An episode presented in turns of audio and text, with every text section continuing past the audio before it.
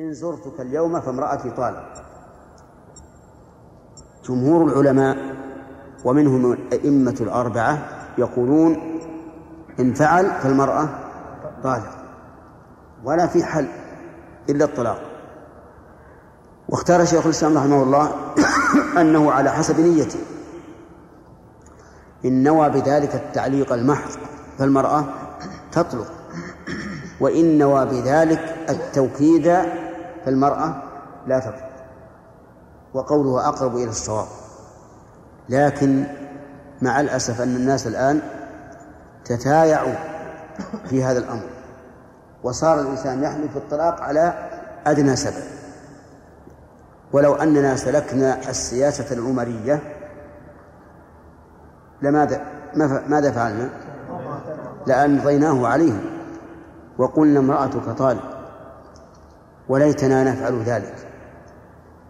لأن الناس الآن البادية والحاضر. كان بالأول لا يفعلها إلا البادية وهي في الحاضرة قليلة. لكن الآن صارت في البادية والحاضرة أبدا لو يصب فنجان شاهي قال والله خلاص ما قال عليها الطلاق أنت تشرب. فنجان شاهي تحلف الطلاق على أنه يشربه هذا غلط. ولهذا ينبغي لطلبة العلم أن ينهوا الناس عن هذا. ويقول اتقوا الله. جمهور أئمة الأمة وعلماء الأمة يرون أن هذا طلاق. أنت الآن إذا كان هذا هو الطلاق الثلاث فأنت الآن تجامع زوجتك على أنها أجنبية منه. جماع زنا. ونخوف الناس من هذا التلاعب. نعم. ولو تجاسرنا وأخذنا بالسياسة العمرية وقلنا خلاص المرأة طالق. لكان هذا جيدا. لكن مشكلة الآن أنك تذهب أنك لو قلت هذا القول ماذا يصنع؟ يقول خلاص صفنا على اليسار. دور غيره. يروح يدور غيره. ثم يأتي إنسان طالب علم ما يعرف الخنطة نعم ويفتيه. لأن الآن يعني سمعنا ناس ما نعرف ما عندهم علم. ويفتون ما شاء الله. هذا يمين. حتى ما يقول له هل نويت الطلاق ولا ما نويت. هذا يمين. كفر كبرت يمين وامشي. نعم. فلذلك مشكلة الآن. ولا كان نمشي على السياسة العمرية ونقول أنت يلزمك الطلاق. عشان الناس يرتفعون شوي. طيب يقول ومن قتل نفسه بشيء عذب به يوم القيامة هذه كلمة عامة تشمل كل شيء قتل نفسه به. ومن نعم. عذب به يوم القيامة وليس على رجل نذر في شيء لا يملكه مثال ذلك رجل قال لله علي نذر أن أعتق عبد فلان هل يملكه؟ ما يملكه فلا يصح هذا النذر ولكن ماذا عليه إذا لم يفعل؟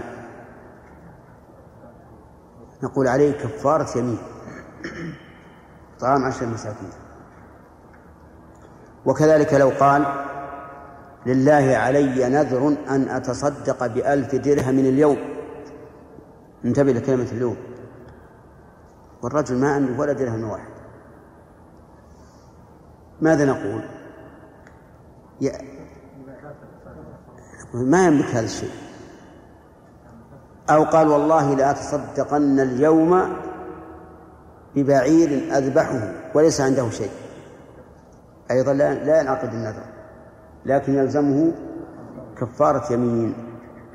واختلف العلماء في نذر المستحيل. مثل أن قال لله علي نذر لأطيرن اليوم بين السماء والأرض بيدي. ما هو بالطيارة؟ ينعقد النذر ولا لا؟ فبعضهم يقول لا ينعقد النذر لأن هذا كلام لغو ومنهم من قال ينعقد ولكن عليه كفارة يمين. نعم. صحيح صحيح. فيه قولان. وحدثني حدثني نعم. الله عنك قال في خالدا مخلدا ابدا هل هو كافر؟ يقال كما قال النبي صلى الله عليه وعلى آله وسلم وأن تعرف أنه لا يمكن أن يخلد الإنسان ابدا إلا وهو كافر.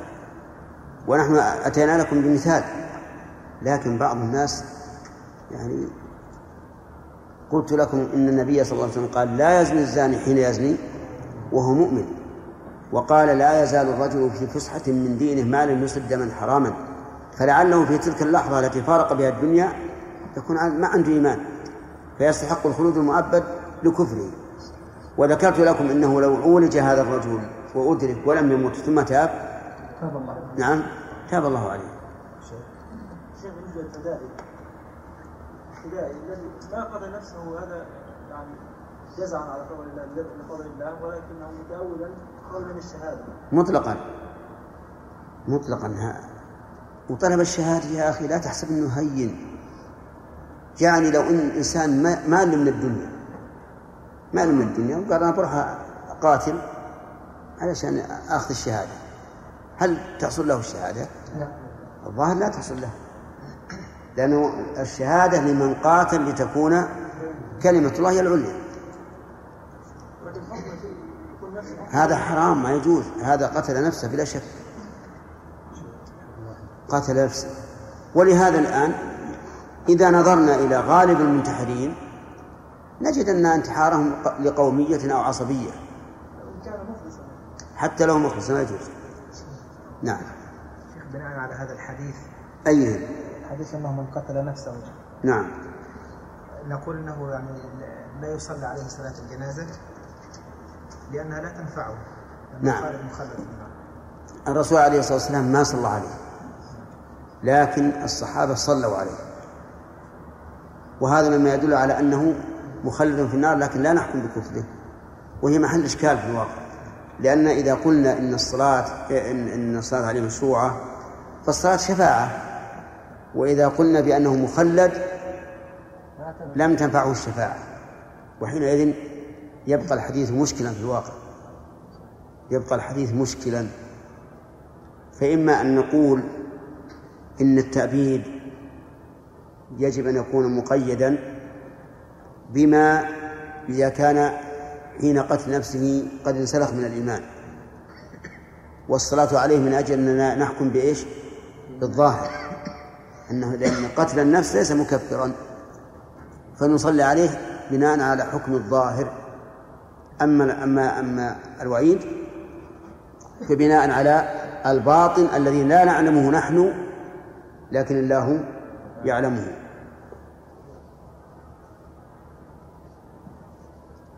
ثلاثة. لا حدثني أبو غسان المسمعي قال حدثنا معاذ وهو ابن هشام قال حدثني أبي عن يحيى بن أبي كثير قال حدثني أبو قلابة عن ثابت بن الضحاك عن النبي صلى الله عليه وسلم قال ليس على رجل نذر فيما لا يملك ولعن المؤمن كقتله ومن قتل نفسه بشيء في الدنيا عذب به يوم القيامة ومن ادعى دعوى كاذبة ليتكثر بها لم يزده الله إلا قلة ومن حلف على يمين على يمين على يمين صبر فاجرة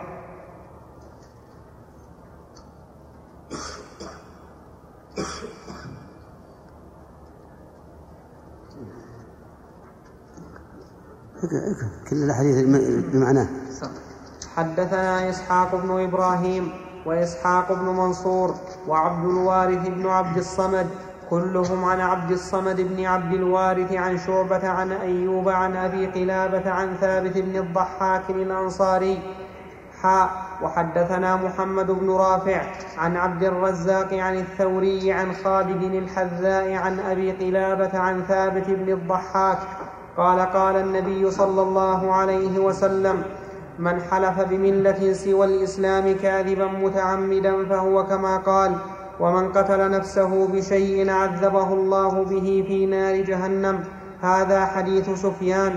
وأما شعبة فحديثه أن رسول الله صلى الله عليه وسلم قال من حلف بملة سوى الإسلام كاذبا فهو كما قال ومن ذبح نفسه بشيء ذبح به يوم القيامة وحدثنا محمد بن رافع وعبد بن حميد جميعا عبد عن عبد الرزاق.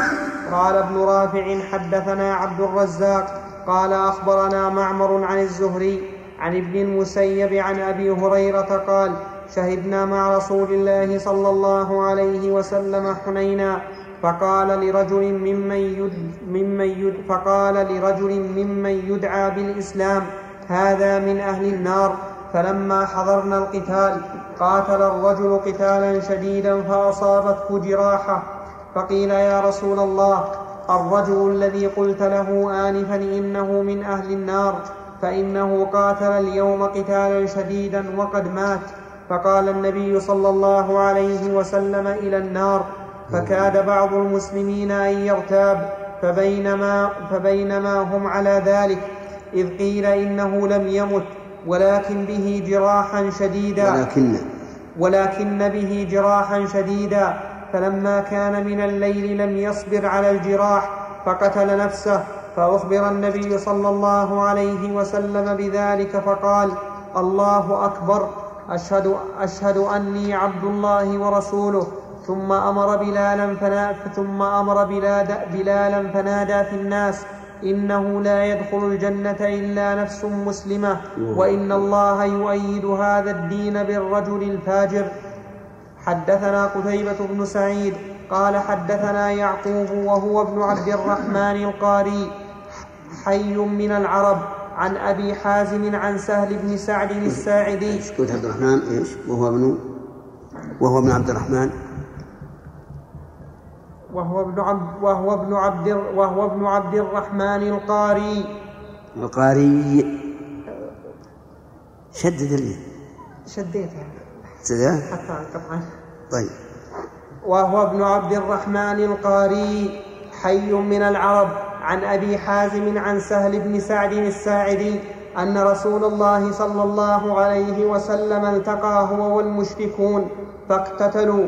فلما مال رسول الله صلى الله عليه وسلم إلى عسكره ومال الآخرون إلى عسكرهم وفي أصحاب رسول وفي أصحاب رسول الله صلى الله عليه وسلم رجل لا يدع لهم شاذة إلا اتبعها يضربها بسيفه فقالوا ما أجزأ منا اليوم أحد كما أجزأ فلان؟ فقال رسول الله صلى الله عليه وسلم أما إنه من أهل النار؟ فقال رجل من القوم أنا أنا صاحبه أبدا. قال فخرج معه. كلما وقف وقف معه. وإذا أسرع أسرع معه. قال فجرح الرجل جرحا شديدا فاستعجل الموت. فوضع نصل, فوضع نصل سيفه بالأرض. وذباب وذبابه بين يد بين ذبابه وذبابه. بين ثدييه ثم تحامل على سيفه فقتل نفسه فخرج الرجل إلى رسول الله صلى الله عليه وسلم فقال أشهد أنك رسول الله. قال وما ذاك؟ قال الرجل الذي ذكرت انفا أنه من أهل النار فأعظم الناس ذلك فقلت أنا لكم به. فخرجت في طلبه حتى جرح جرحا شديدا فاستعجل الموت فوضع نصل سيفه بالأرض وذبابه بين ثدييه ثم تحامل عليه فقتل نفسه. فقال رسول الله صلى الله عليه وسلم عند ذلك إن الرجل ليعمل عمل أهل الجنة فيما يبدو للناس وهو من أهل النار وإن الرجل ليعمل عمل أهل النار فيما يبدو للناس وهو من أهل الجنة. الله حسن الخاتمه حديث قرأناها. في في مسلم ما علقتم عليها يا شيخ. نعم. ثلاثة أحاديث. وهي؟ من حدثنا إسحاق بن إبراهيم. 177 نعم. وما بعده. بسم الله الرحمن الرحيم. الحمد لله رب العالمين وصلى الله وسلم على نبينا محمد وعلى آله وأصحابه ومن تبعهم بإحسان إلى يوم الدين. الحديث الأول الذي هو حديث إسحاق سبق الكلام عليه. كيف؟ سبق الكلام عليه. نعم. هذا اللي قبله؟ حدثنا؟ إيه. طيب يقول عن ثابت بن الضحاك عن النبي صلى الله عليه وعلى آله وسلم قال ليس على رجل فيما ليس على رجل نذر فيما لا يملك. وسبق الكلام عليه.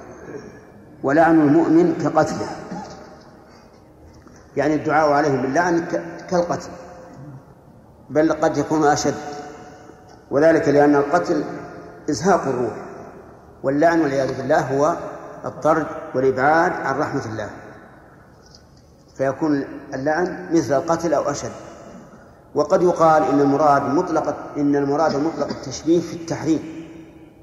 يعني كما يحرم القتل يحرم اللعن ولا يلزم من ذلك التساوي. فإذا قلنا إن القتل إهلاك الرجل في الحياة الدنيا واللعن إهلاك في الآخرة فالتشبيه واضح. وإذا لم نقل ذلك فإن التشبيه يكون في أصل في أصل التحريم. ثم قال ومن قتل نفسه بشيء مر علينا ومن ادعى دعوة كاذبة ليكثر بها لم يزده لم يزد الله إلا إلا قلة. نعم. إذا ادعى الإنسان دعوة كاذبة. من أجل أن يزداد بها ماله فإن الله لا يزيده بها إلا قلة. وليس المراد قلة العدد. قد يكون العدد يكثر. إذا ادعى مثلا أن في ذمة فلان له مئة ألف وحصل على هذه الدعوة وكاذب فالعدد لا شك أنه يكثر.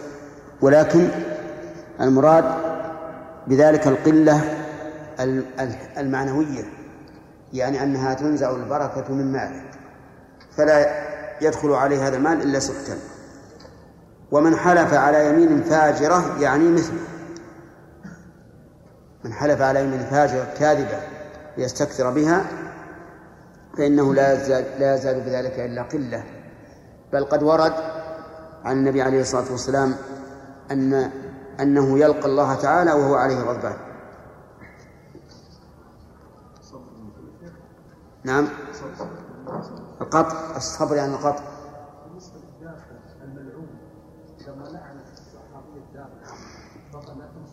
ليس معنى الذي ليس الذي غير موجود هنا لا لا تسأل عنه. يكون سؤال خاص. نعم. خلاص؟ طيب في أيضا حديث أبي هريرة الذي قال النبي صلى الله عليه وسلم عن الرجل إنه من أهل النار. وكان لا يدع شهادة ولا فاذة للعدو إلا قضى عليها.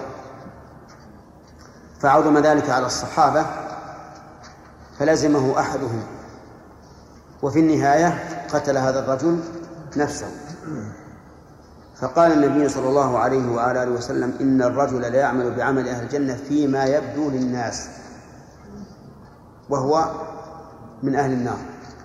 وهذا الحديث قيد به العلماء حديث عبد الله بن مسعود رضي الله عنه. المشهور إن الرجل لا يعمل بعمل أهل الجنة حتى ما يكون بينه وبينها إلا ذراع فيسبق عليه الكتاب فيعمل بعمل أهل أهل النار فيدخلها. وكذلك يعمل بعمل أهل النار حتى يكون حتى ما يكون بينه وبينها. إلا ذراع فيسبق عليه الكتاب فيعمل بعمل أهل الجنة فيدخلها قالوا هذا فيما يبدو للناس. ولكنه يشكل على هذا أنه قال في حديث ابن مسعود حتى ما يكون بينه وبينها إلا ذراع. فيقال لعل المراد بذلك المسافة بين اعتناقه هذا العمل وبين موته. وليس المراد أنه يدنو بعمله إلى الجنة لأن الذي يعمل بعمل أهل الجنة فيما يبدو للناس لا يقرب من الجنة. إذا عمله هذا يعتبر حابطا لأنه رياء. وفي هذا الحديث الحذر الحذر التام أن يحذر الإنسان من نفسه وغرورها واغترارها. لا يقول أنا أصلي أنا أصوم أنا أفعل أنا أترك لأنه قد يكون هناك حبة سوداء في القلب تقضي عليه والعياذ بالله. فيجب على الإنسان أن أن يحترز من الغرور بالنفس وأنه فعل وترك. لأن هذا الرجل رجل شجاع مقدام مجاهد ومع ذلك كانت نهايته هذه النهاية السيئة. نسأل الله حسن الخاتمة. فالواجب أن الإنسان يحذر. نعم. بسم الله الرحمن. ها؟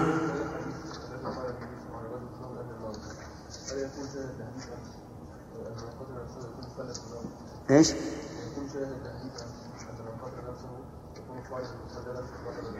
نعم. نعم. إيه نعم. نعم. بسم الله الرحمن الرحيم. الحمد لله رب العالمين وصلى الله وسلم على نبينا محمد وعلى آله وصحبه أجمعين. قال الإمام مسلم رحمه الله تعالى في, في, في كتاب الإيمان من صحيحه. في باب غلظ تحريم قتل الإنسان نفسه. حدثني محمد بن رافع قال حدثنا الزبيري وهو محمد بن عبد الله بن الزبير قال حدثنا شيبان قال سمعت الحسن يقول إن رجلا ممن كان قبلكم خرجت به قرحة فلما آذته انتزع سهما من كنانته فنكاها فلم يرقا الدم حتى مات. قال ربكم قد حرمت عليه الجنة ثم مد يده إلى المسجد فقال إي والله لقد حدثني بهذا الحديث جندب عن رسول الله صلى الله عليه وسلم في هذا المسجد. وحدثنا محمد بن أبي بكر المقدمي قال حدثنا وهب بن جرير قال حدثنا أبي قال سمعت الحسن يقول حدثنا جندب بن عبد الله البجلي في هذا المسجد فما نسينا وما نخشى أن يكون جندب كذب على رسول الله صلى الله عليه وسلم. قال قال رسول الله صلى الله عليه وسلم خرج, خرج برجل في من كان قبلكم خراج فذكر نحوه. نعم. هذا كالأول وفيه وجوب الصبر على أقدار الله المؤلمة وأن الإنسان يجب عليه أن يصبر وأنه كلما ازدادت به الأيام مع الأذية فإنه لا يزيد إلا أجرا وثوابا وتكفيرا لسيئاته. ولينتظر الفرج. فإن النبي صلى الله عليه وعلى آله وسلم قال وأن الفرج مع الكرب.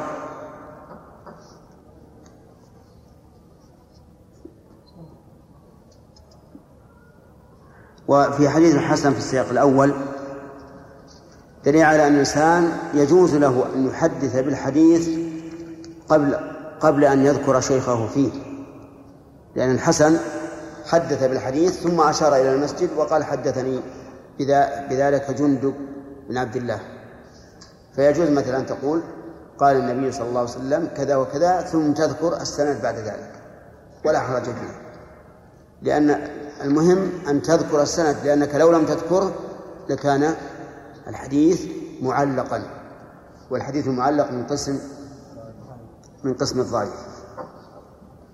نعم. نعم عبيد. ها؟ نعم. الذراع؟ الذراع بارك الله فيك ما بين المرفق إلى رؤوس الأصابع. عرفته؟ هذا الذراع. وكانوا بالأول يقيسون بالذراع وبالقدم. ثم بعد ذلك يعني بعد أن تطور الناس اتخذوا الذراع الحديد. نعم. ثم جاءت عاد المقاييس العالمية واتخذوا إيش؟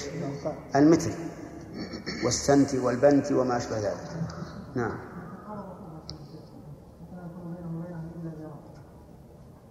اي نعم ها؟ قلنا يحتمل المراد أن لا يكون بينه وبينه الأجراء يعني معناه قرب أجله.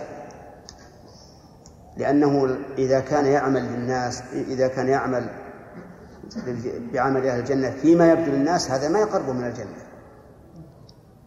فلذلك المعنى حتى ما يكون بينه وبينها إلا ذراع يعني قرب أجله نعم قال فزع سهم فلك عنها ولم يقطع الدم. نعم. يمكن معنى ذلك. كان قاصد. يعني يتلف نفسه أو أنه كان يريد فقط أن يخرج هذا الدم له جزع. الرجل جزع جزع من من قضاء الله وقدره. نعم.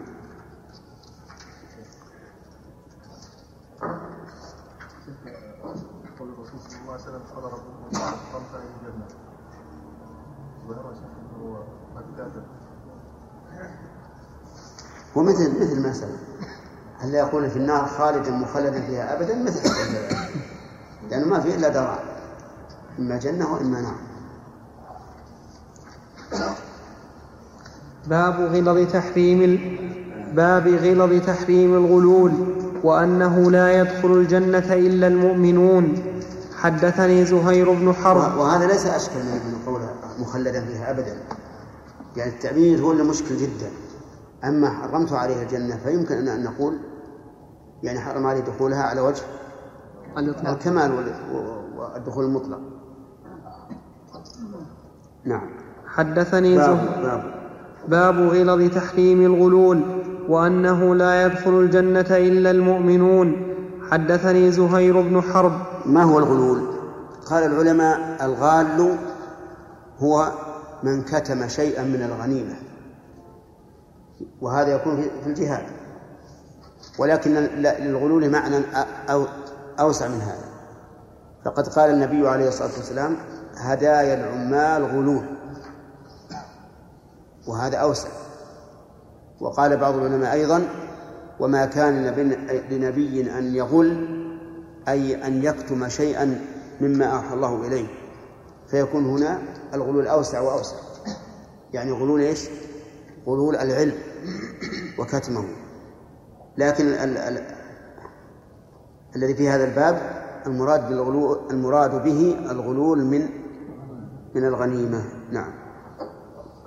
حدثني زهير بن حرب قال حدثنا هاشم بن القاسم قال حدثنا عكرمة بن عمار قال حدثني سماك الحنفي أبو زميل قال حدثني عبد الله بن عباس قال حدثني عمر بن الخطاب قال لما كان يوم خيبر أقبل نفر من صحابة النبي صلى الله عليه وسلم فقالوا فلان شهيد فلان شهيد حتى مروا على رجل فقالوا فلان شهيد فقال رسول الله صلى الله عليه وسلم كلا إني رأيته في النار في بردة غلها أو عباءه.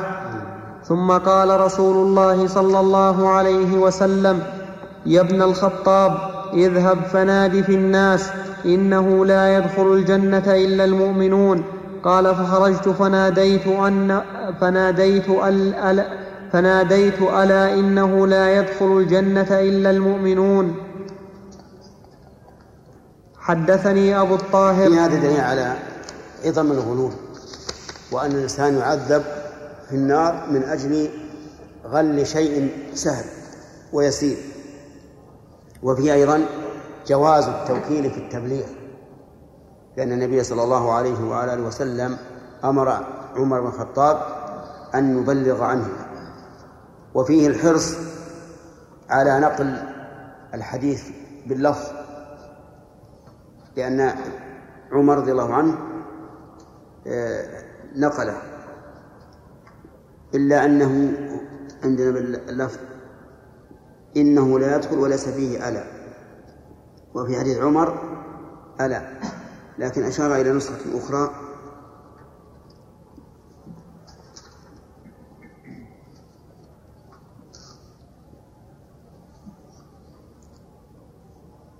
ما عندكم فيها ألا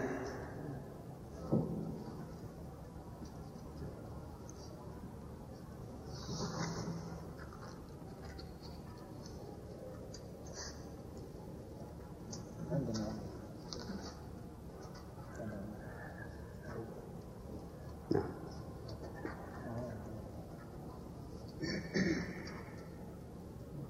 في الشرح.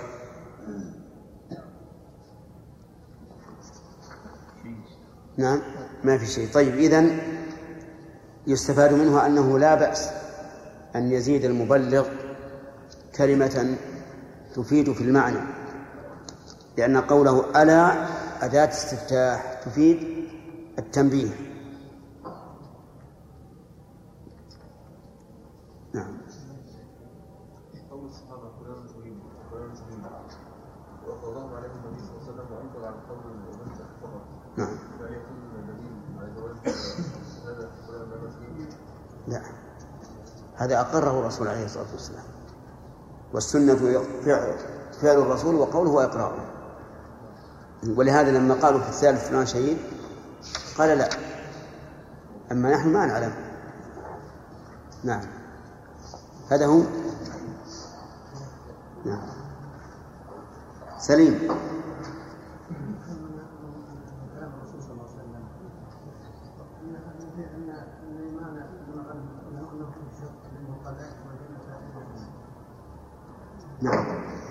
هذا يدل بارك الله فيك على نقص إيمان من غل ولا شك في هذا.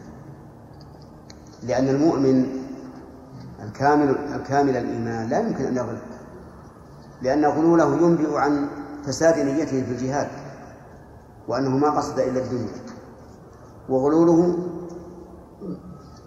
خيانة للقائد وولي الأمر. وغلوله أيضا أكل للمال بالباطل لأن الغنيمة تعلق بها حق جميع المجاهدين. نعم. خلينا نقول إن من الردة إن الإنسان يقتل نفسه ولم يذكر العلماء في باب لا ما نقول. التأبيد. وهذا محل الإشكال فقلنا إن أن التأبيد محل إشكال. ووجه الإشكال أن الرسول أمر بالصلاة على من قتل نفسه. نعم. أخذنا ثلاثة. حدثني أبو الطاهر قال أخبرني ابن وهب عن مالك بن أنس عن ثور بن زيد الدؤلي عن سالم عن سالم أبي الغيث مولى بن مطيع عن أبي هريرة حاء وحدثنا قتيبة بن سعيد وهذا حديثه قال حدثنا عبد العزيز يعني ابن محمد عن ثور عن أبي الغيث عن أبي هريرة قال خرجنا مع النبي صلى الله عليه وسلم إلى خيبر ففتح الله علينا فلم نغنم ذهبا ولا ورقا غنمنا المتاع والطعام والثياب ثم انطلقنا إلى الوادي ثم ومع ثم ثم انطلقنا إلى الوادي ليش انطلقنا؟ نعم كيف انطلقنا؟ نعم. أقول كيف تقول انطلقنا؟ أبو هريرة يقول هذا. إيه أبو هريرة يقول ثم انطلقنا؟ نعم. ما قالها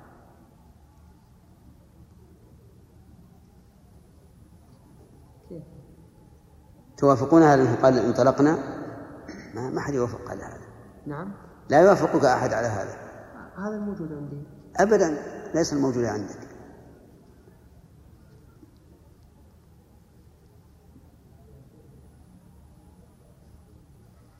ما تبي تفكير هذا. اقرأ على حسب كتابتها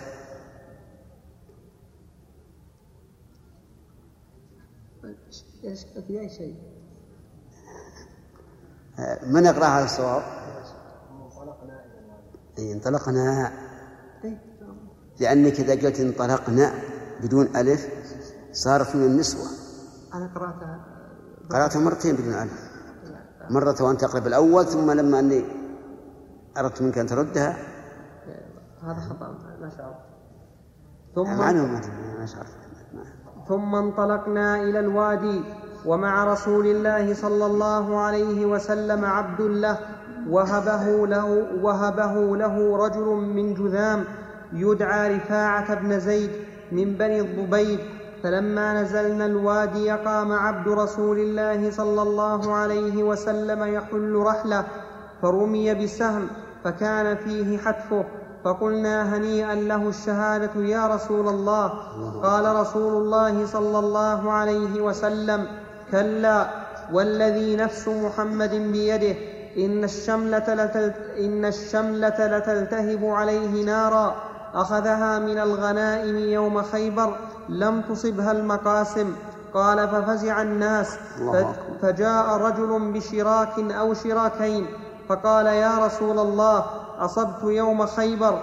فقال رسول فقال رسول الله صلى الله عليه وسلم شراك من نار أو شراكان من نار.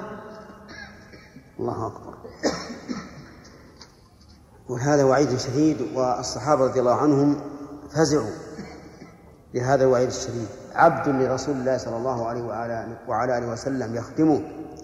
غل شملة واحدة ومع ذلك كانت تلتهب عليه في النار. وهذا أمر يدل دلالة واضحة على عظم الغلول وأنه من كبائر الذنوب لما فيه من هذا الوعيد. نعم ما يقال يقاس عليها الان في الزمن الحاضر يعني اذا كان احد يدخل بيت المال أو شيء إيه؟ ماذا تقولون؟ يعني يقول هل يقاس عليه السرقة من بيت المال أو لا؟ ها؟ إيه ممن اؤتمن عليه لا يقاس الشيء لأن فيه شبهة له فإنه له نصيب فيها نعم والغال له نصيب من الغنيمة إيه وهذا هذا لم لم نقسم بيت المال الظاهر أن الأخذ من بيت المال أشد من الغنيمة لأن المجاهد يرى أن له نصيبا في الغنيمة التي قاتل في تلك الوقعة التي أصاب فيها تلك الغنيمة. وأما الذي يأخذ من بيت المال فليس له شبهة. نعم. ذكرنا أن بعض العلماء يقولون أن الغلول خاص بالجهاد وإذا كان ذلك كذلك فإن الغلول غير الاختلاس. الاختلاس ليس بالجهاد. سليم يظهر منها غلول؟ اللي من بيت المال. لم يصح لم هذا مؤتمن على على بيت المال وبيت المال يشرع فيها المسلمين شركاء ما ما على المجاهدين شركاء. إذا إلى الآن ما ما وفقت من العلة نعم.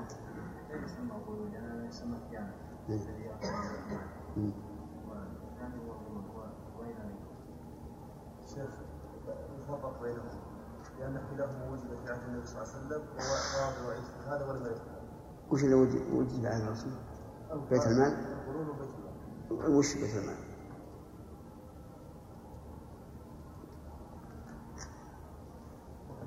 الحادثة إيه الحادثة إيه. لم تجحد ولكن وجد بيت المال لكن هل وجد فيه خيانة؟ وبيت المال أيضا ما نظلم إلا في عهد عمر رضي الله عنه لكن نقول يا أخوانا ما انتبهتوا لمسألة مهمة في باب الجهاد. إذا قصد الناس المال في الجهاد بطل الجهاد في سبيل الله. وصار الناس يجاهدون من أجل من أجل الأموال. والغال يدل غلوله يدل على أنه إنما قصد المال. ولهذا غل فلا يمكن أن يساويه شيء من الخيانات.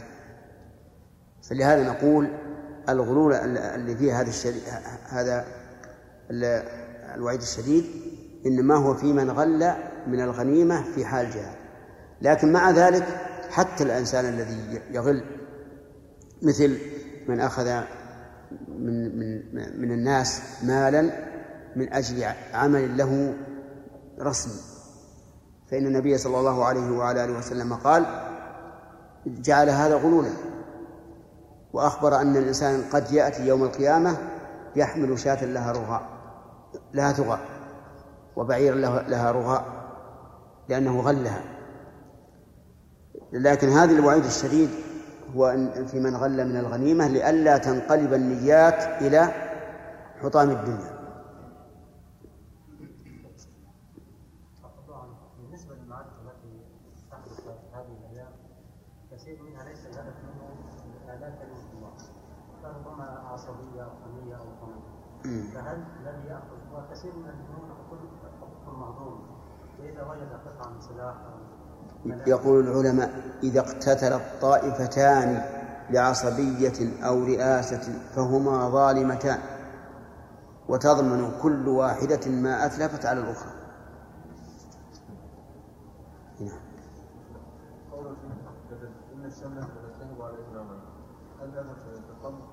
القيامة نعم. ظاهر ظاهر الحديث من, من الآن يعني قال إن الشمس التي غلها. نعم. باب الدليل على أن قاتل نفسه لا يكفر. حدثنا أبو بكر بن أبي شيبة وإسحاق بن إبراهيم جميعا عن سليمان. قال أبو بكر حدثنا سليمان بن حرب.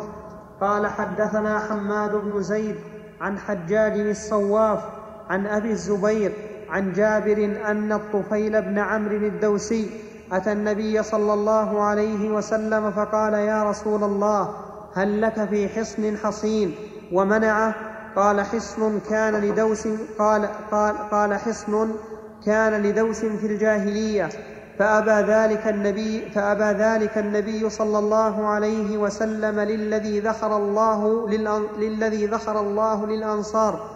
فلما هاجر النبي صلى الله عليه وسلم إلى المدينة هاجر إليه الطف هاجر إليه الطفيل بن عمرو وهاجر معه رجل من قومه فاجتووا المدينة فمرض فجزع فأخذ مشاقص له فقطع بها براجمه فخشبت يداه فشخبت يداه حتى مات فرآه الطفيل بن عمرو في منامه فرآه وهيئته حسنة ورآه مغطيا يديه فقال له ما صنع بك ربك؟ فقال غفر لي بهجرتي إلى نبيه صلى الله عليه وسلم. فقال ما لي أراك مغطيا يديك؟ قال قيل لي لن نصلح منك ما أفسدت. فقصها الطفيل على رسول الله صلى الله عليه وسلم.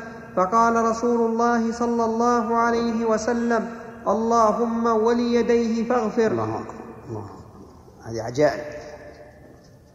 قصة عجيبة وفيها دليل على أن أن الهجرة من بلاد الكفر إلى بلاد الإسلام لها شأن عظيم وأنها تكفر هذا الأمر العظيم.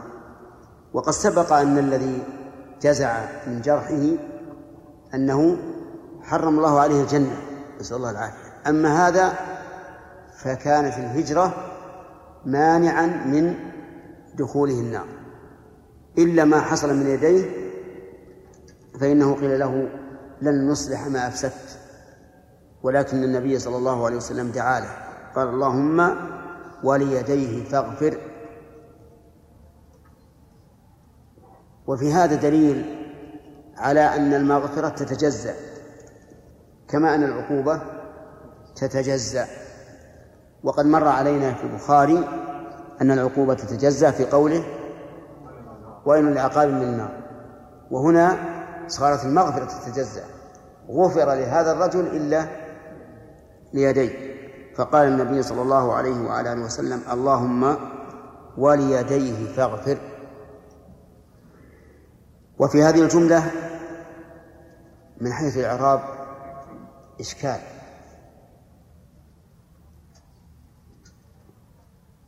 ما هو؟ لا وقد تكون معطوفة على معلوم.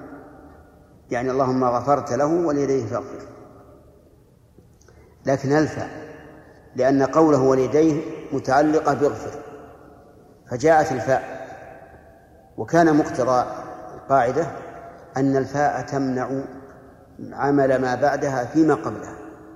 لكنهم قالوا إن الفاء في مثل هذا التركيب زائدة وأن التقدير اللهم وليديه اغفر. والفاء تزاد كثيرا في مثل هذه العبارات لتحسين اللفظ. قال ومن ذلك قوله تعالى وإياي فارهبون وإياي فارهبون والتقدير وإياي ارهبون نعم.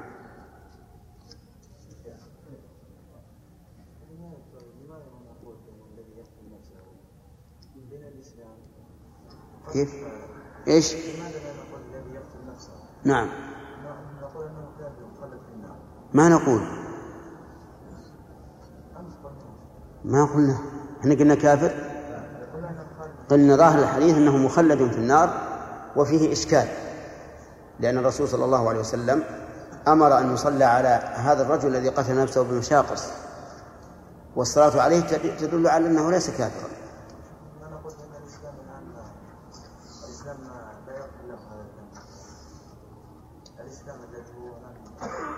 لا لا. أهل السنة والجماعة يرون أنه لا يخلد إلا الكافر. نعم. هذا وجه الإشكال. لأنك لو قلت إنه مخلد أبدا وهو مسلم صرت لا لا أنت بخارجي ولا معتزلي ولا من أهل السنة ولا من ما ندري. مذهب جديد. نعم. شيخ ثبت الصحيح أن الشهادة تكفر مع كل الذنوب الا الدين هل يعني مجاهد يعني مجاهد ثم طلع عليه في أثناء الجهاد؟ الغلول فقتل لكن ما غل. لا غل. غل. لا إيه، يعذب. يعذب. نعم. لا تنفعه الشهادة. هذا حديث عبد الرسول عليه الصلاة والسلام. بس هذه وجهتموها على أنه قص- قصد الدنيا. يعني نفس لا لا إحنا قصد الدنيا هذه عموما. نقول وجه هذا العذاب الشديد والعقوبة الشديدة لأنه جعل مال الآخرة سببا يت- يتوصل به إلى الدنيا. يعني يكون الغلول. الغلول نعم الغلول لا لابد أن يعذب لابد أن يعذب عليه. نعم. شيخ هذا الحديث الذي بين يدينا الآن من رواية أبي الزبير عن جابر. نعم. وهو مدلس وقد عن عن هناك هل يعني يحمل على الاتصال؟ هو بارك الله فيكم. تعرف ان إن أبا الزبير مر علينا عدة أحاديث في مسلم يصرح بالتحديث. وقد ذكر العلماء أن حديث أبي الزبير عن جابر وقتادة عن أنس في الصحيحين يعتبر موصولا. علموا علموا ذلك من شرط البخاري ومسلم. فهو وإن ورد في العنعنه بالعنعنة فهو موصول. خارج الصحيح يا شيخ إذا رأينا أنه عن عن لا صحيح يعتبر ينظر فيه. قد يكون من طريق آخر مصرحا بالتحديث. نعم. وهو. في قتل النفس نفسه قاصدا ازهاق نفسه فانه يكون فيه الوعيد أما إذا فعل شيئا جزعا فأدى إلى قتل نفسه دون أن يقصد قتل النفس. لأنه يكون حكمه أن يصلى عليه. لأنه لم يتعمد ازهاق نفسه انما إذا تعمد نفسه يعني قتل نفسه فهو يعني كافر قصدك؟ نعم يعني لا ما يصل الآخر حتى ال- الرجل الذي مر علينا في عليه الجرح. من هذا النوع. يدخل في هذه ويبقى نعم. يدخل في لكن هذا الذي جزع هل قصده أن يقتل نفسه؟ أو أن يتخلص من هذا الأذى. هي على كل حال هي من الأحاديث المشكلة ونسأل الله أن يفتح علينا بها. نعم. باب في الريح التي تكون قرب القيامة تقبض من في قلبه شيء من الإيمان. حدثنا أحمد بن عبدة الضبي قال حدثنا عبد العزيز بن محمد وأبو علقمة الفروي قال حدثنا صفوان بن سليم عن عبد الله بن سلمان عن أبيه عن أبي هريرة قال قال رسول الله صلى الله عليه وسلم إن الله يبعث ريحا من اليمن ألين من الحرير فلا تدع أحدا في قلبه قال أبو علقمة مثقال حبة وقال عبد العزيز مثقال ذرة من إيمان إلا قبضته الله. وهذا يكو- يكون في آخر الدنيا. حين لا يبقى إلا قيام الساعة. لأن قيام الساعة تقوم على على من؟ على شرار الخلق. فإذا كان إذا قرب ذاك ذاك الزمن حصلت هذه الريح.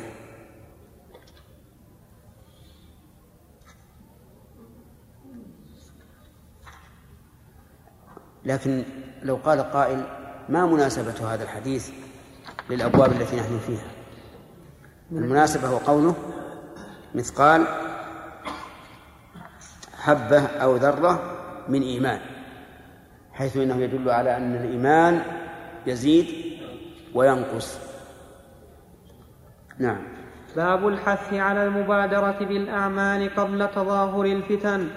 حدثني يحيى بن أيوب وقتيبة وابن حجر جميعا عن إسماعيل بن جعفر قال ابن أيوب حدثنا إسماعيل قال أخبرني العلاء عن أبيه عن أبي هريرة أن رسول الله صلى الله عليه وسلم قال بادروا بالأعمال فتنا بادروا بالأعمال فتنا, فتنا كقطع الليل المظلم يصبح الرجل مؤمنا ويمسي كافرا أو يمسي مؤمنا ويصبح كافرا يبيع دينه بعرض من الدنيا.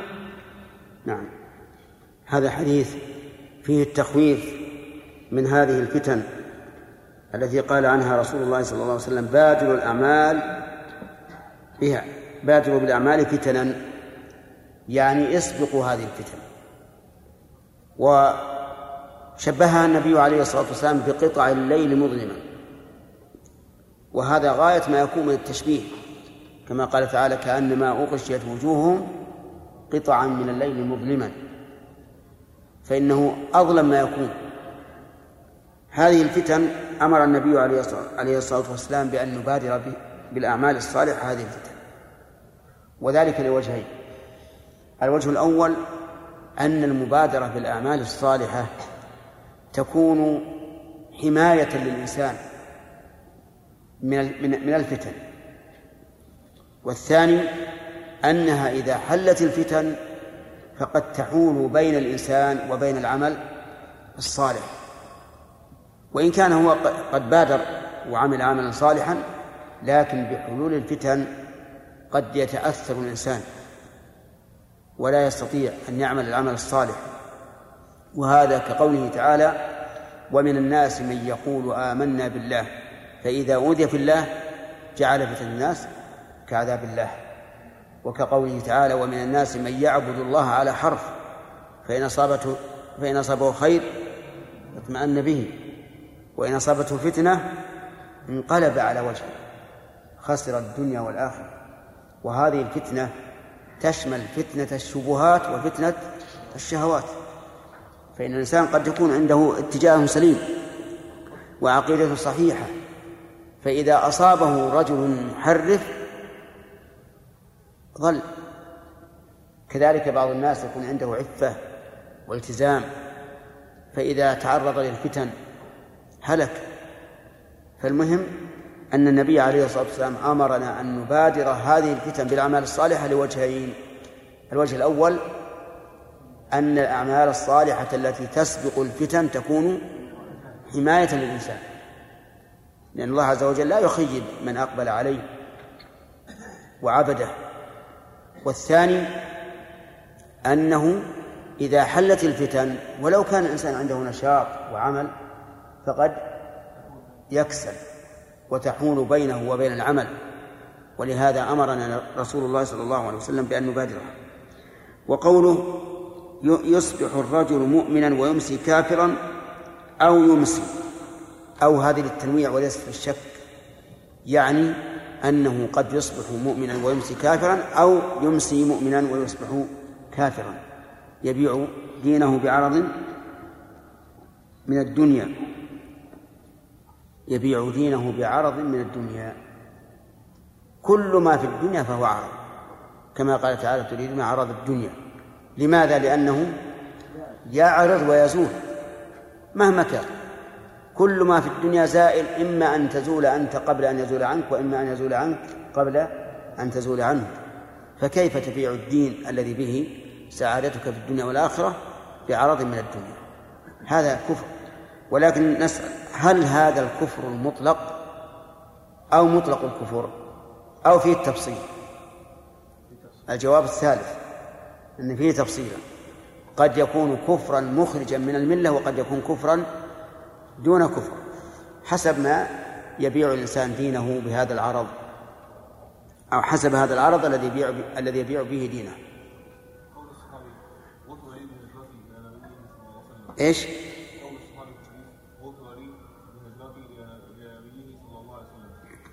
نعم.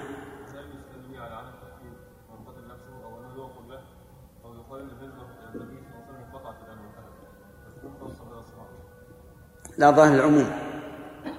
لأن يعني قاعدة أهل السنة والجماعة أن الكبائر مهما عظمت لا تخرج من الإسلام. لكن الهجرة منعته من الوعيد. طيب إذا كان هذا في انتهينا انتهينا. تعدنا نعم.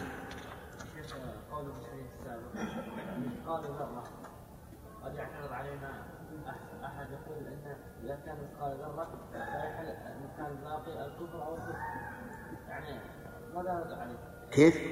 كيف نرد عليه؟ يقول اما أن يحل محله الكفر أو الفسق طيب الكفر يمكن يكون في الإنسان خصال كفر وخصال إيمان وخصال الفسوق وخصال الاستقامة ألا يمكن؟ طيب ما دام عنده مثقال حبة خردل من إيمان ما- مثقال ذرة أو مثقال حبة من إيمان يكفي. الله أكبر. خير اقرأ أقرأه نعم. الآن الأخ يقرأ عليكم حكم إيصال الماء إلى ما تحت الخاتم في الوضوء والغسل. بسم الله الرحمن الرحيم. الحمد لله رب العالمين وصلى الله وسلم على نبينا محمد وعلى آله وصحبه أجمعين. المسألة هل يجب غسل ما تحت الخاتم؟ والمسألة فيها خلاف بين العلماء. ها؟ المسألة فيها خلاف بين العلماء. وقد سئل الإمام أحمد رحمه الله فقيل له من توضأ يحرك خاتمه؟ قال إن كان ضيقا لا بد أن يحركه. لا. لا بد أن يحركه. نعم. وإن كان واسعا يدخل يدخل فيه الماء أجزأه.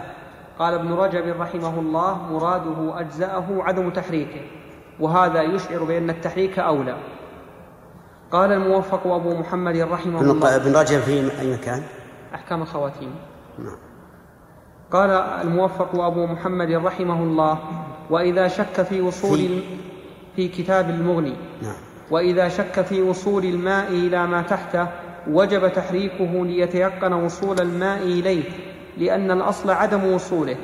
انظر المغني المجلد الأول صفحة 108 أحسنت. وقال النووي رحمه الله تعالى إذا كان في أصبعه خاتم فلم يصل الماء إلى ما تحته وجب إيصال الماء إلى ما تحته بتحريكه أو خلعه. وإن تحقق وصوله است... وإن تحقق وصوله استحب تحريكه. ونقل, عن البيهقي أنه قال والاعتماد على الأثر فيه عن علي وغيره. انظروا المجموع المجلد الأول صفيحة الصحيفة 394 وقال ابن الهمام الحنفي ولا يجب نزع الخاتم وتحريكه إذا كان واسعا والمختار في الضيق الوجوب. انظر شرح فتح القدير لابن الهمام المجلد الأول صحيفة الستة عشر. وقال السرخسي في المبسوط وذكر أبو سليمان عن محمد عن محمد رحمه الله أن نزع الخاتم في الوضوء ليس بشيء. وقال السرخسي والحاصل أنه إن كان واسعا يدخله الماء فلا حاجة إلى النزع والتحريك وإن كان ضيقا لا يدخل الماء تحته فلا بد من تحريكه وفي التيمم لا بد من نزعه ولو لم يفعل لا تجزئه صلاته. انظر المبسوط المجلد الأول صحيفة عشرة. وأما المالكية فإنهم يفرقون بين ما أبيح لبسه وبين ما حرم وكره. فقالوا في المباح ولا يجب تحويل خاتمه المأذون فيه. ولا ولا. ولا يجب تحويل خاتمه المأذون فيه. من موضعه ولو كان ضيقا مانعا من وصول الماء لما تحته. فإن حوله بعد غسل يده غسل محله إن تحقق أو ظن أن الماء لم يصل محله. محله بفتح. غسل محله إن تحقق أو ظن أن الماء لم يصل. واعلم أن مثل الخاتم في حق المرأة ما كان مباحا لها من غيره كأساور وح- وحدائق فلا يجب عليها إجالته واسعا أو ضيقا لا في الوضوء ولا في الغسل. ويجب عليها إذا نزعته غسل ما تحته إن كان ضيقا لم تظن وصول الماء تحته وإلا فلا يجب. وأما المحرم فيجب نزعه إن كان ضيقا ويجزئ تحريكه إن كان واسعا وكذا المكروه كخاتم النحاس والرصاص. انظر حاشية الدسوقي على الشرح الكبير المجلد الأول صحيفة 88 وشرح منح الجليل على مختصر العلامة خليل المجلد الأول صحيفة 46 وقد نسب ابن رجب رحمه الله القول وقد نسب ابن رجب رحمه الله القول بالتحريك إلى الجمهور من السلف كالحسن وابن سيرين وميمون بن مهران وعمر, وعمر بن عبد العز بن عبد العزيز وعمرو بن دينار وعروة بن الزبير وحماد ومالك وأبي حنيفة والشافعي وغيرهم. كيف مالك؟ وحماد ومالك. ما أقول مالك خالف أصحابه. أي نعم. وابن المنذر نسب الرخصة إلى مالك. خالف ابن رجب. لعله مالك يعني مذهبا. لعله وأبي حنيفة والشافعي وغيرهم. وقال بأن هذا القول أصح لأن هذا من جنس تخليل الأصابع وقد وردت فيه أحاديث متعددة عن النبي صلى الله عليه وسلم. وقد روي أن النبي صلى الله عليه وسلم إذا توضأ حرك خاتمه. وفيه راو قال عنه البخاري منكر الحديث. وقد روي أن النبي صلى الله عليه وسلم إذا توضأ وضوءها للصلاة حرك خاتمه في أصبعه. قال ابن رجب ولا يخلو إسناده أيضا من نظر. وكذا الأثران الموقوفان على علي وابن عمر ففي إسناديهما طعن ونظر. الذي يبدو لي والله أعلم أنه لا يجب لا يجب تحريك الخاتم ولا خلعه. لأننا لا نتيقن أن خاتم النبي صلى الله عليه وعلى آله وسلم واسع. يتخلله الماء ولا أنه يخلعه. ثم إن قياسه على تخليل الأصابع فيه نظر لأن تخليل الأصابع سهل هين والخاتم فيه صعوبة لا سيما إن كان ضيقا. فمن فمن لم يفعل فنرجو أن لا يكون عليه بأس. ومن فعل فقد احتاط فقد احتاط لنفسه. حتى في الغسل؟ نعم. حتى في الغسل؟ حتى في الغسل نعم. حتى في الغسل. لا حتى التيمم ما بأولى. التيمم يسامح فيه ما لا يسامح في الوضوء والغسل. لأن التيمم طهارة التراب. بارك الله فيك. هذا بحث جيد. لو صوروا الشيبة إن الله يسر له الأمر. موجود حاضر لا الآن ما ما ما, ما رأيته شرافي بارك الله فيكم. ويقول الشيخ إن الاصل الاصل إن وجوب ان يصل الماء إلى جميع اجزاء البشر. نعم. ولم ياتي ما يخالف هذا الأصل. نعم. لماذا وجود؟ بل هذا هذا أصل صحيح لكن هذا يخالفه الظاهر. وهو أن الرسول صلى الله عليه وسلم كان يلبس الخاتم والأحاديث الذي فيها أنه يحرك خاتم ضعيفة. ثم هذا مما تتوفر مما تتوافر الدواعي على نقله. كمسألة الخفين. نعم. لا الساعة ما هي ليست كالخاتم. الساعة بارك الله فيك تشغل حيزا كبيرا.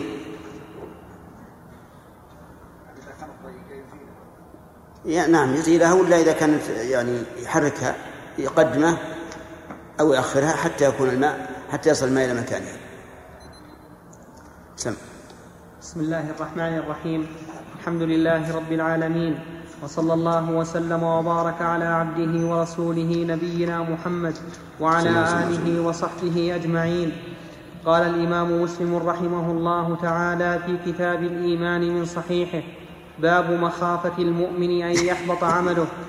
حدثنا أبو بكر بن أبي شيبة قال حدثنا الحسن بن موسى قال حدثنا حماد بن سلمة عن ثابت البناني عن أنس بن مالك أنه قال لما نزلت هذه الآية أنه قال لما نزلت هذه الآية يا أيها الذين آمنوا لا ترفعوا أصواتكم فوق صوت النبي إلى آخر الآية. جلس ثابت بن قيس في بيته وقال أنا من أهل النار واحتبس عن النبي صلى الله عليه وسلم فسأل النبي صلى الله عليه وسلم سعد بن معاذ فقال يا أبا عمرو ما شأن ثابت؟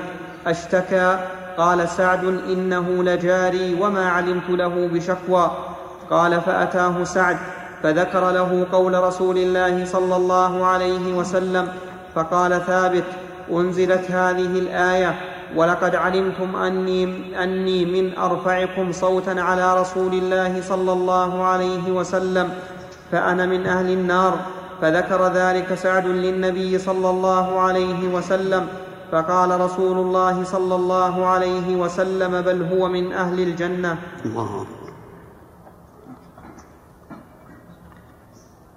وحدثنا قطن بن نسير قال حدثنا جعفر بن سليمان قال حدثنا ثابت عن أنس بن مالك قال كان ثابت بن قيس بن شماس خطيب الأنصار فلما نزلت هذه الآية هذه الآية بنحو حديث حماد وليس في حديثه ذكر سعد بن معاذ وحدثنيه أحمد بن سعيد بن صخر الدارمي الدارمي قال حدثنا حبان قال حدثنا سليمان بن المغيرة عن ثابت عن أنس قال لما نزلت لا ترفعوا أصواتكم فوق صوت النبي ولم يذكر سعد بن معاذ في الحديث وحدثنا هريم بن عبد الأعلى الأسدي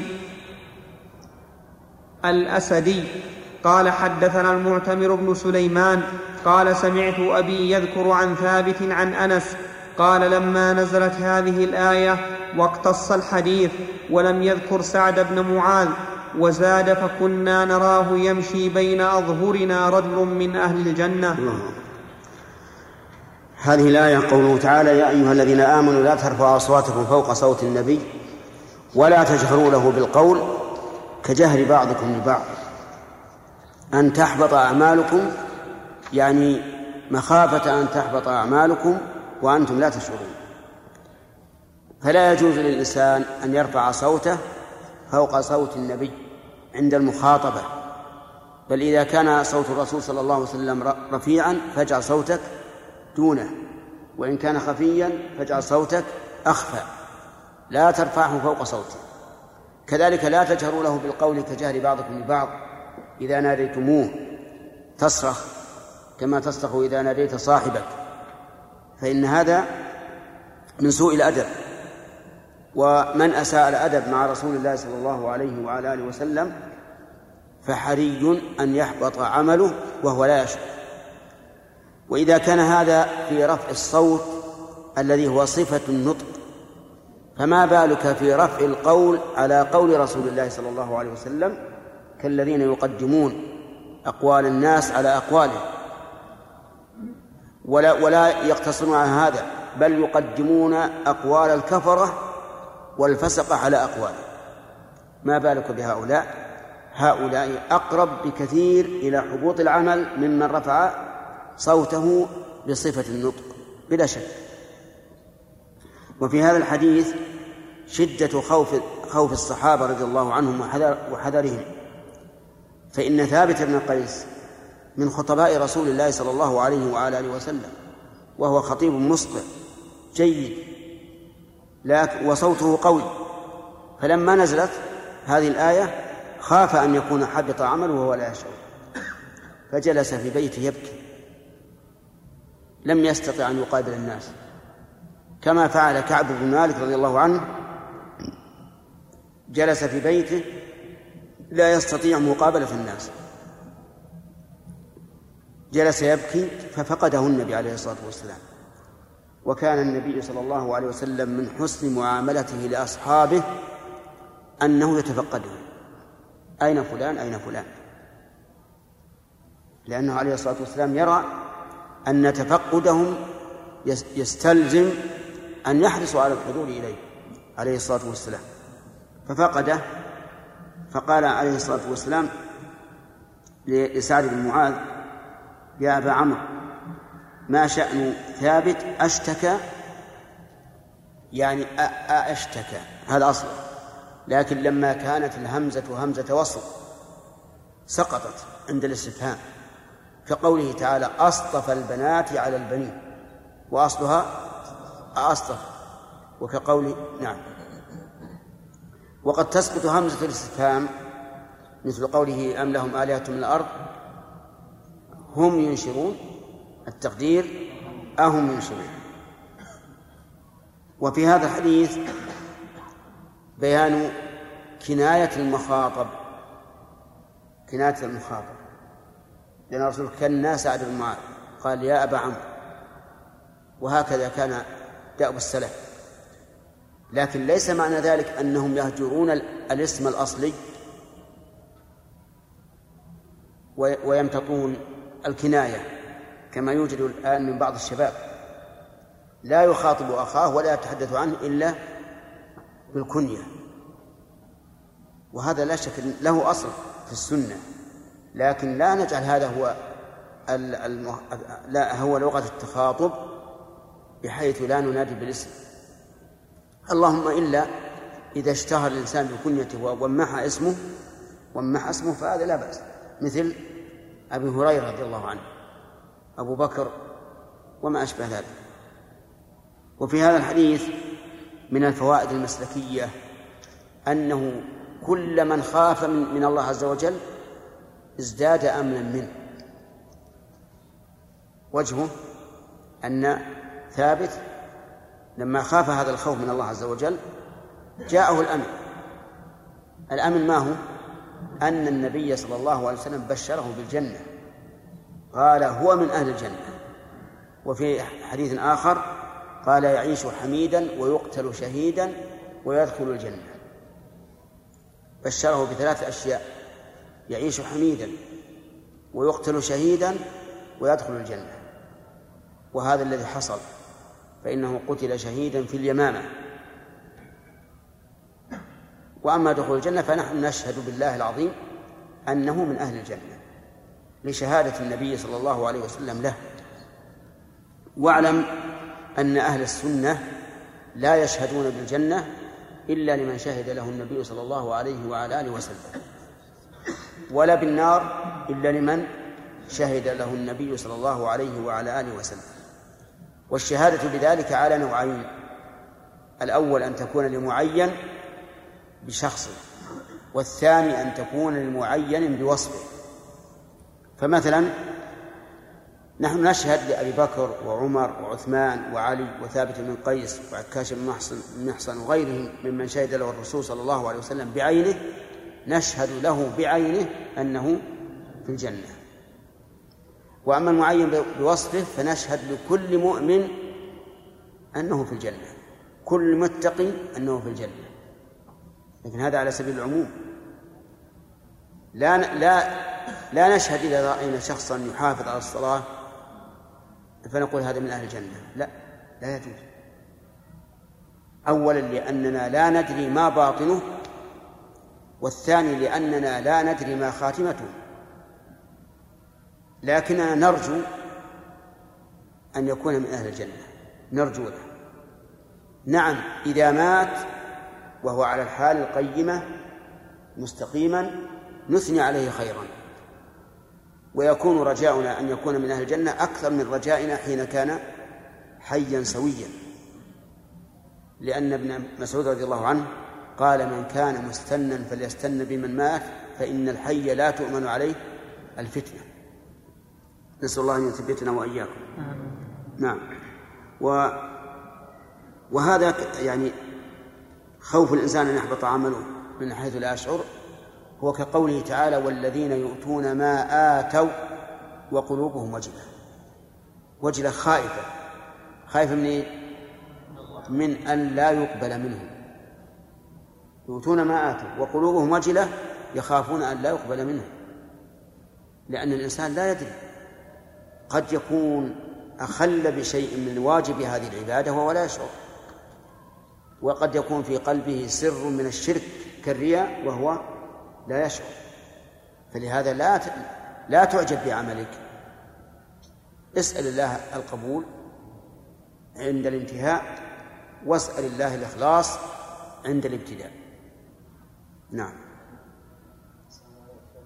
شيخ الإسلام ذكر في الفتاوى أن يعني أن من علمنا صدقهم من علماء السلف صدق إخلاصه وإيمانه أن إيش؟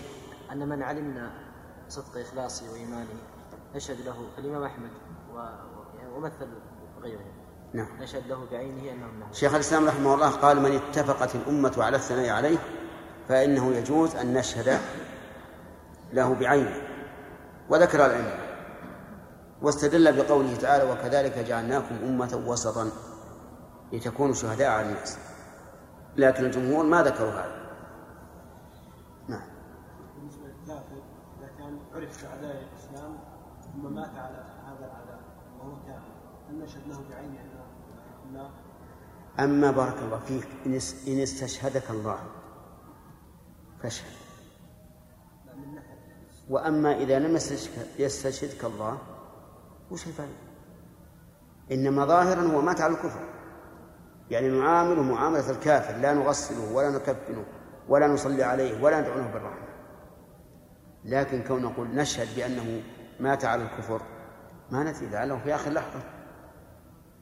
من الله عليه فتاب لكن ظاهرا لا نحكم له بالكفر. آدم.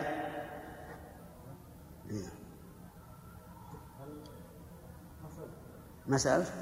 طيب. خالد. قول تعالى أن أعمالكم قدمنا شيخ مخاطبا نعم. الكراهة أو كراهة. مخافة بالنسبة للإنسان. مو بالنسبة لله. وكراهة بالنسبة لله. نعم. باب هل يؤاخذ بأعمال الجاهلية؟ حدثنا عثمان بن أبي شيبة قال حدثنا جرير عن منصور عن أبي وائل عن عبد الله قال قال أناس لرسول الله صلى الله عليه وسلم يا رسول الله أنؤاخذ بما عملنا في الجاهلية. قال أما من أحسن منكم في الإسلام فلا يؤاخذ بها ومن أساء أخذ بعمله في الجاهلية والإسلام. حدثنا محمد بن عبد الله بن نمير قال حدثنا أبي ووكيع حاء وحدثنا أبو بكر بن أبي شيبة واللفظ له. قال حدثنا وكيع عن الأعمش عن أبي وائل عن عبد الله قال قلنا يا رسول الله انؤاخذ بما عملنا في الجاهلية؟ قال من أحسن في الإسلام لم يؤاخذ بما عمل في الجاهلية ومن أساء في الإسلام أخذ بالأول والآخر. حدثنا من جاب بن الحارث التميمي قال أخبرنا علي بن مسهر عن الأعمش بهذا الإسناد مثله. نعم. هذا الحديث سيورد المؤلف رحمه الله حديثا آخر. يعارضه. وهو في ظاهره يعارض الآية الكريمة وهي قوله تعالى قل للذين كفروا إن ينتهوا يغفر لهم ما قد سلف فظاهر هذا الحديث الذي معنا أن الإنسان إذا أسلم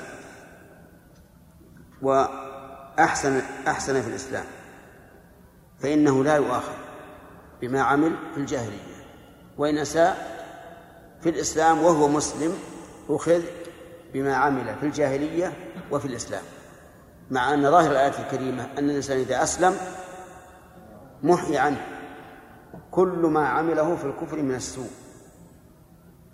ولكن الجمع بينهما أن يقال المراد بذلك الإساءة في عين العمل.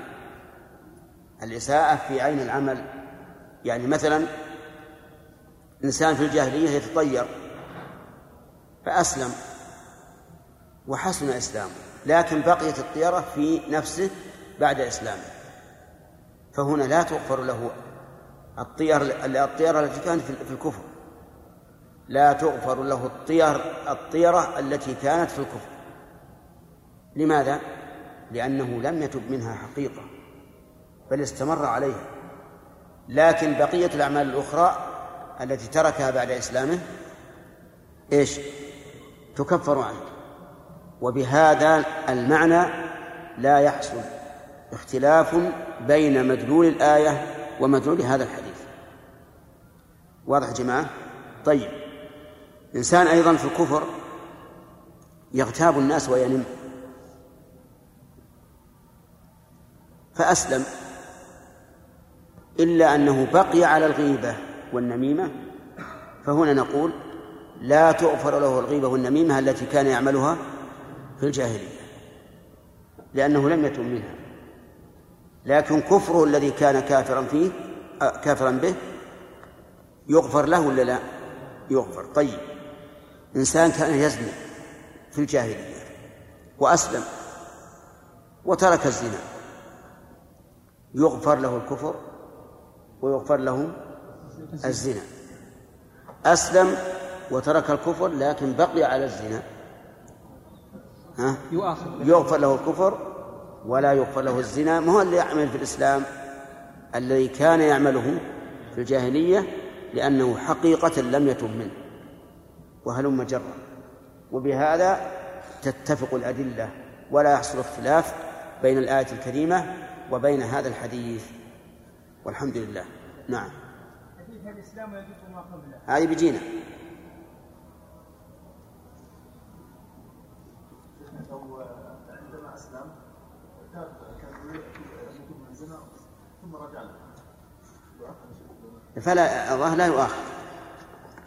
لا يؤاخذ لأنه تاب وانهدم. ما سبق. إيش؟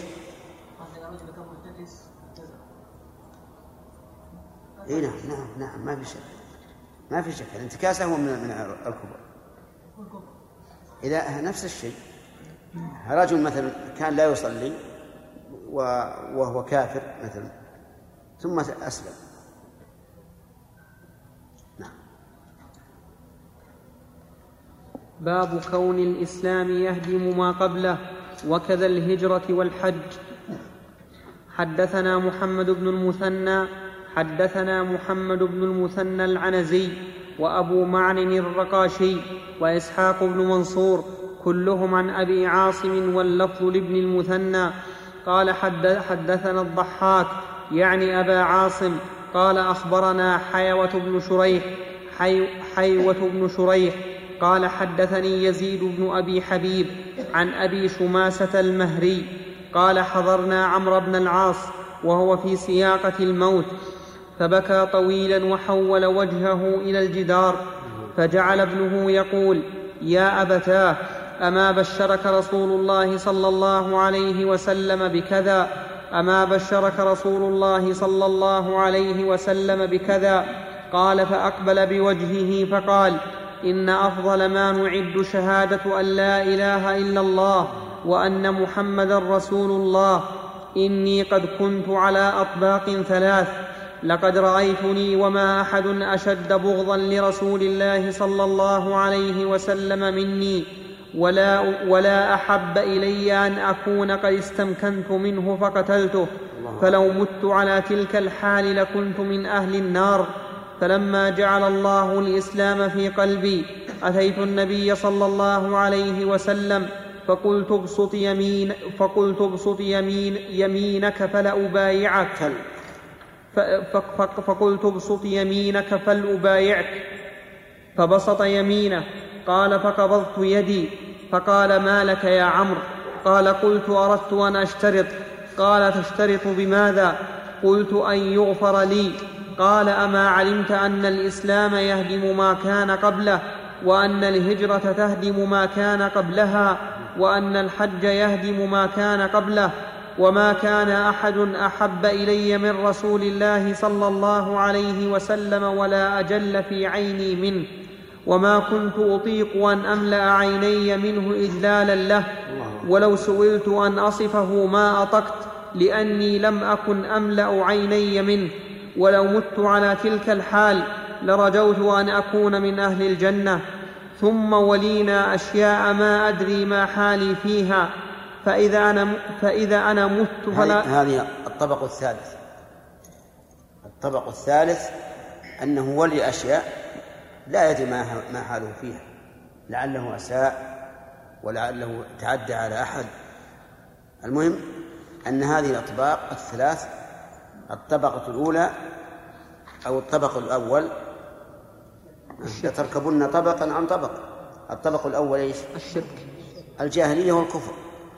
والبغض الشديد للرسول عليه الصلاة والسلام. حتى إنه أحب شيء إليه أن يتمكن من الرسول فيقتله. وهذا شيء عظيم. ثم بعد ذلك من الله عليه بالإسلام. وأخبره النبي عليه الصلاة والسلام أن الإسلام يهدم ما قبله والهجرة تهدم ما قبلها والحج يهدم ما قبله فكان رسول الله صلى الله عليه وسلم أحب إليه من كل شيء. حتى كان لا يطيق أن يملأ عينيه منه إجلالا له وتعظيما له. لو مات على هذا الطبق يقول لرجوت أن أكون من أهل الجنة. جاء الطبق الثالث. وآخرون اعترفوا بذنوبهم خلطوا عملا صالحا وآخر سيئا. الذي يقول ما أدري ما حال ما حالي فيها. فهذا هو الطبق الذي خاف منه رضي الله عنه نعم ثم ولينا أشياء ما أدري ما حالي فيها فإذا أنا مت فلا تصحبني نائحة ولا نار فإذا دفنتموني فشنوا علي التراب شنا ثم أقيموا حول قبري قدر ما تنحر جزور ويقسم لحمها حتى أستأنس بكم وأنظر ماذا أراجع به رسل ربي.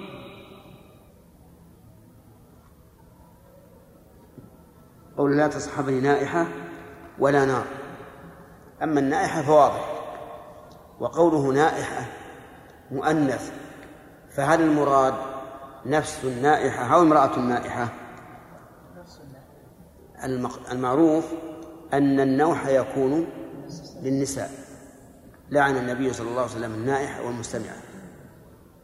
وقوله ولا نار قال العلماء يكره أن تصحب الجنازة بالنار إلا إذا دعت الحاجة إلى ذلك مثل أن يكون هناك ظلمة شديدة وليس فيه كهرباء ولا غيره وإنما كره ذلك رضي الله عنه لأن النبي صلى الله عليه وعلى آله وسلم لعن المتخذين السرج على القبور فخاف أن يكون هذا نوع أن يكون هذا نوعا من اتخاذ السروج على القبور إذا وصلوا المقبرة وضعوا هذا السراج نعم و وصار كالمتخذين على المقابر السرج وقوله رضي الله عنه فشنوا عليه التراب شنا أو سنوه عليه.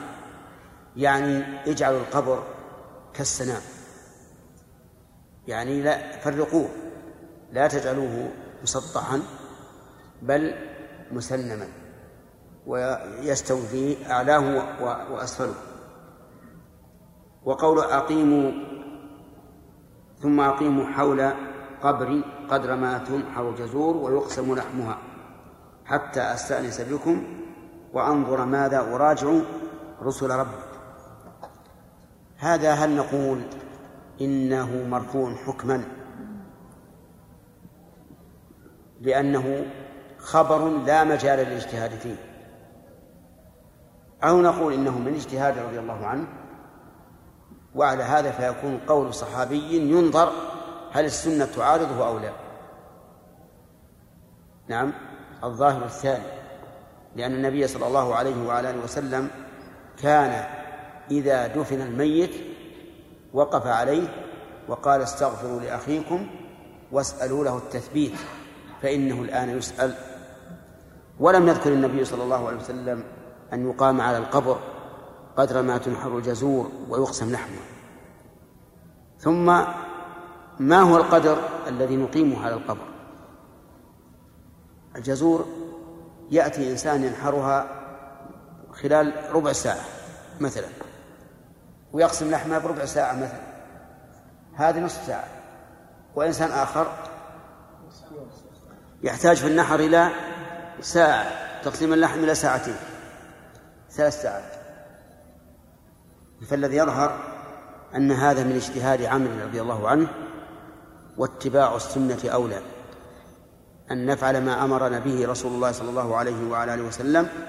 نقف على القبر نقول اللهم اغفر له اللهم اغفر له اللهم اغفر له اللهم ثبته. ندعو ثلاثا لأن الرسول صلى الله عليه وسلم كان إذا دعا دعا ثلاثا الشرح شرح مع من؟ أي جملة يا شيخ؟ أي جملة؟ آخر شيء فإذا دفنتموني ف...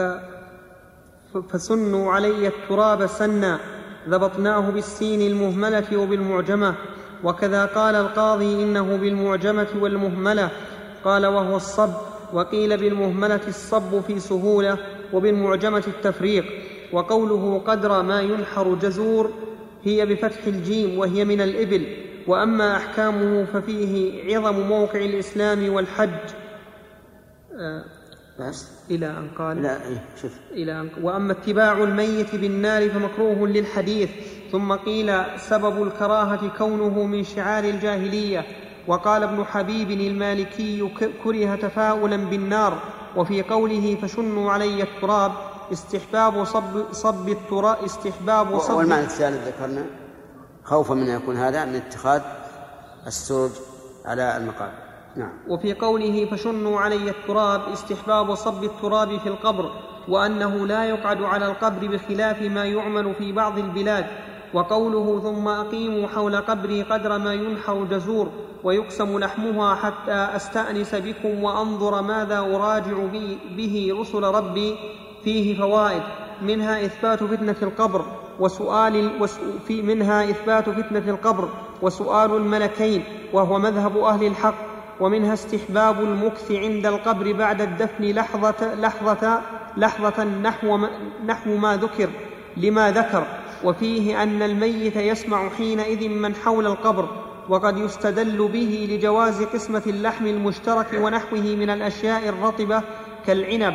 وفي هذا خلاف لأصحابنا معروف قالوا إن قلنا بأحد القولين أن القسمة تمييز حق ليست ببيع جاز وإن قلنا بيع فوجهان أصحهما لا يجوز للجهل بتماثله في حال الكمال فيؤدي إلى الربا. والثاني يجوز لتساويهما في الحال فإذا قلنا لا يجوز فطريقها أن يجعل اللحم وشبهه قسمين ثم يبيع أحدهما. على الآخر. نعم كمل.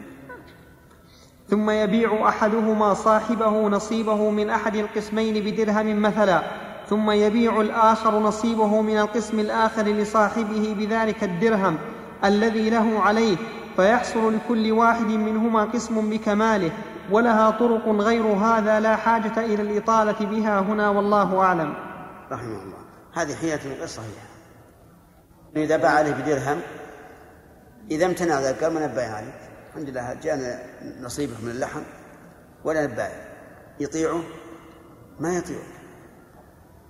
لأن معروف عندهم بيع علي وبيع علي أي فائدة أنك تبيع علي بريال وأعطيك ريال؟ هم نقول لا ما أعطيك إياه أيضا. يثبت في ذمة لك ريال. ثم بيع عليك نصيبي بريال وأقول الريال اللي عندك سقط بالريال اللي عندي. حيلة. لكن الصحيح أن القسمة إفراز وليست ببيع.